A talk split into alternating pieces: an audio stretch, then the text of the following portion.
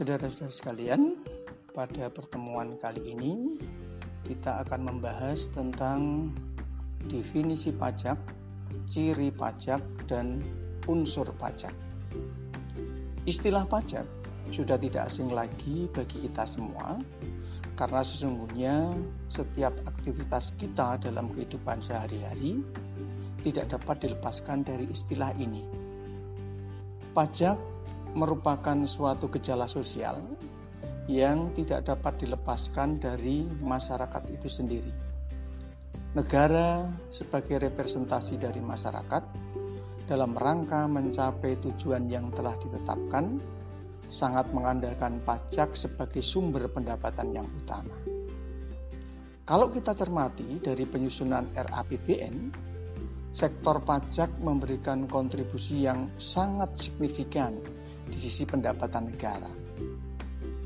Pajak dapat dikaji secara lintas sektoral dan multidisiplin ilmu karena problematika perpajakan bukan hanya beraspek ekonomi tetapi juga mengandung dimensi politik, sosial, termasuk ilmu hukum. Sehingga kajian dari disiplin ilmu yang berbeda akan memberikan definisi pajak yang berbeda pula. Pajak ditinjau dari aspek ekonomi merupakan peralihan kekayaan dari sektor swasta dalam hal ini adalah rakyat ke sektor publik dalam hal ini adalah negara tanpa ada imbalan secara langsung dan digunakan sebagai sarana pendorong, penghambat, dan pencegah serta tujuan lain di luar bidang keuangan. Sudut pandang pajak dari aspek ekonomi dapat ditinjau secara makroekonomi atau dari sudut pandang negara dan mikroekonomi dari sudut pandang rakyat. Pajak ditinjau dari aspek makroekonomi maka menguntungkan karena ini menjadi salah satu sumber pendapatan bagi negara. Tetapi ditinjau dari aspek mikroekonomi maka pajak akan merugikan karena akan mengurangi siklus dan arus daya beli masyarakat. Pajak ditinjau dari aspek hukum merupakan satu perikatan yang timbul karena undang-undang dengan mewajibkan kepada orang yang telah memenuhi persyaratan dalam undang-undang untuk membayar sejumlah uang tertentu kepada negara yang pelaksanaannya dapat dipaksakan dan tidak mendapat imbal jasa secara langsung yang dipergunakan untuk membiayai keperluan negara atau tujuan lain di luar bidang keuangan. Saudara-saudara sekalian, dari definisi pajak tersebut, maka dapat ditentukan ciri dan unsur pajak, yaitu ciri pajak yang pertama pajak merupakan perikatan yang tidak sempurna. Di dalam hukum perdata, yang dimaksud perikatan itu adalah hubungan hukum antara dua pihak, yaitu debitur dan kreditur, yang menimbulkan hak dan kewajiban berupa prestasi dan kontraprestasi. Istilah perikatan biasanya terdapat dalam lapangan hukum perdata. Sehingga untuk memudahkan pengertian perikatan di dalam lapangan hukum perdata dengan perikatan dalam lapangan hukum pajak, maka dibedakan dengan perikatan perdata dan perikatan pajak.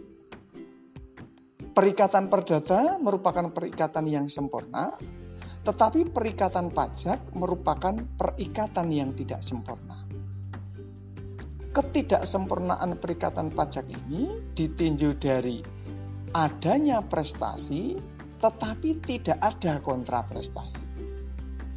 Kemudian kedudukan para pihak antara debitur dan kreditur dalam hal ini adalah rakyat dan fiskus itu tidak seimbang. Sehingga ciri yang pertama dari pajak itu pajak merupakan perikatan yang tidak sempurna. Ciri yang kedua, perikatan tersebut hanya timbul karena undang-undang. Karena memang di dalam perikatan pajak tidak mengenal apa yang kita sebut dengan kompromis fiskal. Perikatan pajak timbul karena undang-undang. Dasar filsafatinya adalah no taxation without representation. Jadi tidak ada pajak tanpa keterlibatan lembaga yang representatif. Bahkan di Amerika ada istilah taxation without representation is robbery. Jadi kalau seandainya ada pemungutan pajak tanpa melibatkan lembaga yang representatif itu identik dengan perampokan atau perampasan. Sedangkan di Indonesia dasar hukum perikatan pajak hanya timbul karena undang-undang itu diatur dalam pasal 23 huruf A Undang-Undang Dasar Negara Republik Indonesia tahun 1945 yang berbunyi pajak dan pungutan lain yang bersifat memaksa untuk keperluan negara diatur dengan undang-undang. Kemudian ciri pajak selanjutnya adalah per Peralihan kekayaan itu bersifat searah, yaitu dari sektor swasta, dalam hal ini adalah rakyat, ke sektor publik, yaitu negara. Kemudian, ciri khusus yang melekat pada pajak ini adalah tidak adanya kontraprestasi atau imbal jasa secara langsung. Ya, sehingga ciri inilah yang kemudian membedakan dengan jenis-jenis pungutan yang lain. Kemudian ciri selanjutnya, pajak dapat dipaksakan secara yuridis. Artinya, hukum menyediakan sarana bagi fiskes untuk memaksa wajib pajak memenuhi kewajiban pembayaran pajak. Jadi daya paksanya adalah daya paksa yang bersifat yuridis baik berupa surat paksa, penyitaan aset, ataupun pelelangan, bahkan dapat diajukan ke pengadilan bagi mereka yang melakukan tindak pidana fiskal.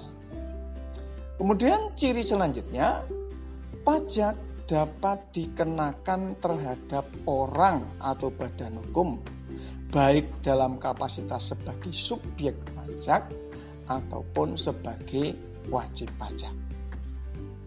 Dan ciri selanjutnya, pajak dapat dipungut secara insidental maupun periodik. Ya. Jadi pajak yang dipungut secara insidental ini contohnya misalnya pajak hiburan, pajak reklame, pajak penjualan atau pajak pembelian atas barang-barang mewah. Maka pajak ini dipungut sekali tempo pada saat terjadinya peristiwa yang dapat dikenai pajak. Di samping itu, pajak juga bisa dipungut secara periodik. Ya. Misalnya pajak kendaraan bermotor, pajak bumi dan bangunan yang dipungut setiap satu tahun sekali. Kemudian yang terakhir, pajak ini berfungsi sebagai budgeter ataupun mengatur.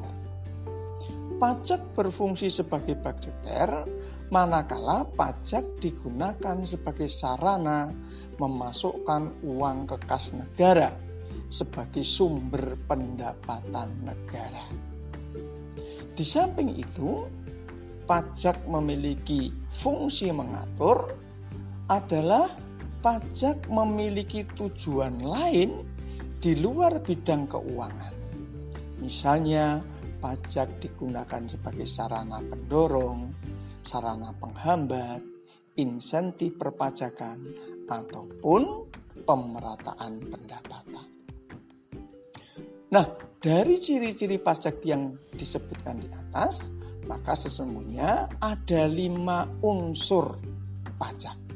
Unsur ini adalah unsur mutlak yang harus ada di dalam pajak.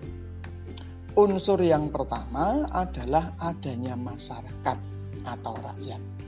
Karena sesungguhnya pajak itu digunakan untuk membiayai kepentingan bersama. Pajak merupakan wujud partisipasi anggota masyarakat dalam rangka untuk merealisasikan kepentingan bersama. Karena sesungguhnya di situ ada rakyat, maaf di situ ada masyarakat, pasti juga ada kepentingan bersama. Nah, kepentingan bersama itu perlu untuk partisipasi warga masyarakat dalam hal ini adalah rakyat untuk merealisasikan kepentingan bersama. Kemudian unsur yang kedua adalah pemerintah atau fiskes sebagai pihak yang memungut pajak. Karena pemerintah atau fiskes inilah yang bertanggung jawab untuk merealisasikan kepentingan bersama. Kemudian unsur yang ketiga adalah undang-undang. Karena tidak mungkin ada pajak tanpa undang-undang. Unsur yang keempat adalah subjek pajak ya subjek pajak itu adalah penyandang hak dan kewajiban di dalam perpajakan tetapi antara subjek pajak dan wajib pajak itu tidak terlalu tidak selalu identik. Ya subjek pajak adalah pihak yang memenuhi syarat subjektif sehingga dia potensial terkena pajak. Tetapi kalau wajib pajak adalah orang atau badan yang telah memenuhi syarat-syarat subjektif maupun syarat-syarat objektif. Sehingga wajib pajak adalah pihak yang dikenai kewajiban untuk membayar pajak. Kemudian unsur yang kelima dari pajak itu adalah tadbestan atau objek pajak atau sesuatu yang dapat dikenai pajak. Tadbistan atau objek pajak ini ada tiga, yaitu keadaan, peristiwa, dan perbuatan yang dapat dikenai pajak. Keadaan contohnya misalnya adalah kekayaan seseorang. Ya, peristiwa itu bisa terjadi karena misalnya kelahiran, kematian gitu ya. Bahkan setiap kali ya ada peristiwa hukum itu bisa menjadi objek pajak. Ya. Dan yang ketiga perbuatan, ya, perbuatan yang bisa menjadi objek pajak. Demikian pertemuan pada kali ini, semoga bermanfaat.